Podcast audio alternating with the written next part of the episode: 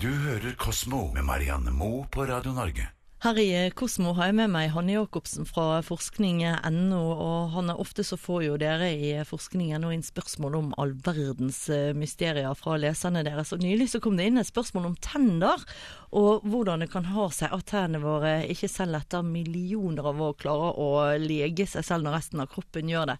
Dette har jo dere selvfølgelig kommet til bunns i. Hva er det egentlig som skjer, altså? Hva er det som gjør at uh, ja, et beinbrudd gror, men, mens et hull i et tann det er bare begynnelsen på et stort problem for de fleste.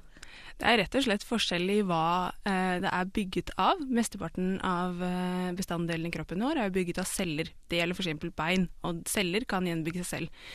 Problemet med tennene er at de er mest mineraler. Eh, sånn at det har eh, bare celler helt øverst ved rota, og så er det, så er det rett og slett eh, mineraler resten, og det kan ikke lege seg selv. Mm. Men så har vi jo da litt, eh, litt hjelp fra spyttet vårt. For det eh, kan rense tennene. Det er derfor vi har spytt, bl.a. for å holde tennene ved like. Så i spyttet så har du kalsium og fosfat som F.eks. da rense vekk syre når du har drukket eh, brus eller juice eller sånne syreetsende drikker. Så holder det en, til en viss grad tennene friske. Så vi har en, en liten evne til å lege tennene, men ikke noe voldsomt sånn som bein. Men det fins altså tannskader som reparerer seg selv. Det er bare det at vi merker det ikke, fordi at det blir jo på en måte reparert. Nettopp. De er ordna lenge før det blir et problem for oss. Så når de først har fått de der hullene som vi ser, så må du dessverre til tannlegen, altså. Nå har jo eh, heldigvis, eh, får vi vel si, odontologien kommet ganske langt eh, i forhold til det å reparere skader. Det har jo ikke alltid vært sånn.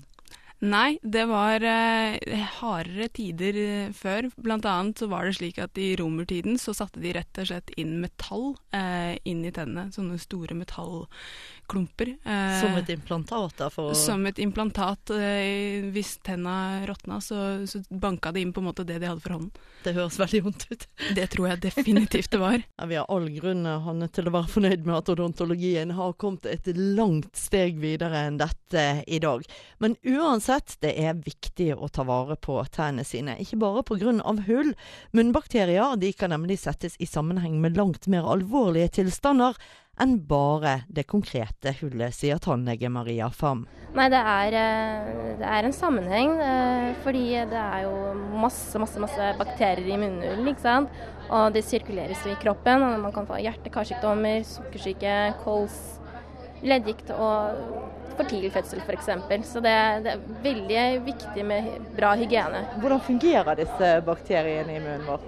De er jo et samfunn, og de, de snakker med hverandre, kommuniserer med hverandre. og det, De har mange oppgaver, som bl.a. frakte næring og søppel. Eh, de, altså den biofilmen som de da danner, de gir også bakteriene beskyttelse mot antibiotika. Eh, og menneskekroppens eget immunforsvar. Nå har jo vi mennesker blitt utstyrt med to sett tenner. Først så får vi melketennene, og så får vi voksentennene som skal vare livet ut. Det er kanskje ikke en altfor smart løsning hvis vi sammenligner oss med andre levende skapninger, sånn som haien f.eks. Ja, nei, haien har jo ordna seg ganske mye bedre. Han eh, får stadig nye tenner. Hvis han mister en, så vil det komme et nytt sett eh, fra bak i kjeven fremover.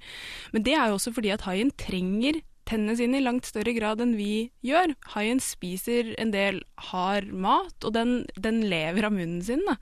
Eh, mens eh, vi trenger på en måte kanskje tomlene mer. Da. Sånn at eh, evolusjonært sett så er det mer fornuftig for haien å bruke energi på å danne mange tannsett. Men hvordan er det med ja, hva skal vi si, tærne generelt? Altså, kan dyr få hull i tærne? Kan, kan en hai få, få, hull i en tann og få vondt, eller en hund for en hest, for den saks skyld? Det er noen hunder nå som får hull i tennene, eh, men det er veldig sjelden. Altså, dyrene er eh, skånet for dette problemet som vi eh, sliter med. Det er mer tannstein og sånt som er problem for, eh, for dyra.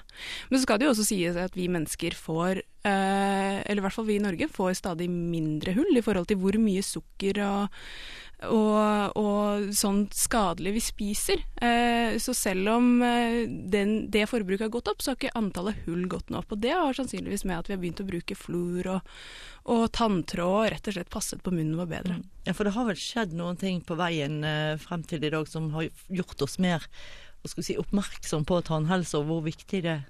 Absolutt. På 1900-tallet, så var jo helt på starten av 1900-tallet, så var det tannpine som var den store årsaken til at du ikke kom på jobb, altså til sykemelding, eh, for det var så plagsomt. Mens eh, særlig fluorrevolusjonen og det at man har blitt mer bevisst på å pusse tennene, eh, bruke tanntråd, eh, kanskje ikke innta altfor mye sukker, har gjort at vi har det i hvert fall bedre under kontroll i dag. Mm, ja, Det er jo klart at sukkeret må ha hatt mye av skyld i dette her. Er det sukkeret som liksom er verstingen i dag også, eller eh, er det andre ting vi også må være påpasselige med å tenke på? Det er vel uh, sukker, men særlig syre, da. De snakker om fra juice og brus og sånn etsende, fordi at det tar, skader bort uh, sliter bort emaljen i tennene. Eh, og emaljen kan ikke erstattes, sånn at eh, er den først borte, så er den helt vekk. Så er det ikke sånn at vi skal på en måte krisemaksimere. Det er greit å ta seg et glass juice til frokost, men det er eh, den tingen tannlegene sier vi skal være mest obs på. Du hører Kosmo med Marianne Moe på Radio Norge. Sex selger, og sport er noe alle vil lese om. Det synes de i hvert fall å tro i tabloidpressen, men er det egentlig sånn? Til tross for en rekke spenstige artikler om både sex og sport, går tabloidavisenes opplagstall ned. Hanne Jacobsen fra forskning.no, som en del av mastergraden sin i økonomisk analyse, har to studenter ved Norges handelshøyskole nå laget en utredning på oppdrag fra Samfunns- og næringslivsforskning og hva viser den oss? Er det egentlig sport og sex som selger? Nei, overraskende nok så har de rett og slett funnet det motsatte. Sex og sport har ført til nedgang i opplaget. Eh, det de har sett på her, er opplagstallene til VG fra 1978 til 2009. Og så har de sortert på uh, tema uh, og sett at det rett og slett ikke selger flere aviser. Sex er på en måte verst, mens sport selger eh, dårligere, men i litt mindre grad enn sex. Da. Så ikke sett sex på forsida. Men er det noen eh, perioder rent historisk for VG som skiller seg bedre ut enn andre? Ja, de har jo hatt uh, gode perioder. Eksempel uh, så hadde de under én uh, redaktør Disse studentene har jo også sett på hvordan de forskjellige redaktørene har påvirket avisene. Og så hadde de en redaktør, Einar Hanseid, som eh, gjorde det veldig bra. Og så har de sett på hva det egentlig var ved ham som gjorde at tallene gikk så veldig opp. Og de tror jo at det handlet om at eh, dette var en redaktør som ikke var så veldig ute i media, skulle skape debatt, skrev masse ledere. Han holdt seg en del i bakgrunnen og brukte mye tid på å utvikle det redaksjonelle innholdet. Så det kan jo tyde på at det fortsatt eh, da, i hvert fall, i 19, eh, ja, slutten av 80-tallet, starten av 90-tallet, fortsatt var eh, god journalistikk som solgte. Han var rett og slett en flink eh, motivator da, for sine ansatte. Det er det, det er det, disse studentene har funnet ut. Hvis man da vil lykkes eh, innenfor eh, tabloidpressen i dag, skal man droppe sport? Skal man droppe sex og satse mer på nyhetsstoff, rett og slett?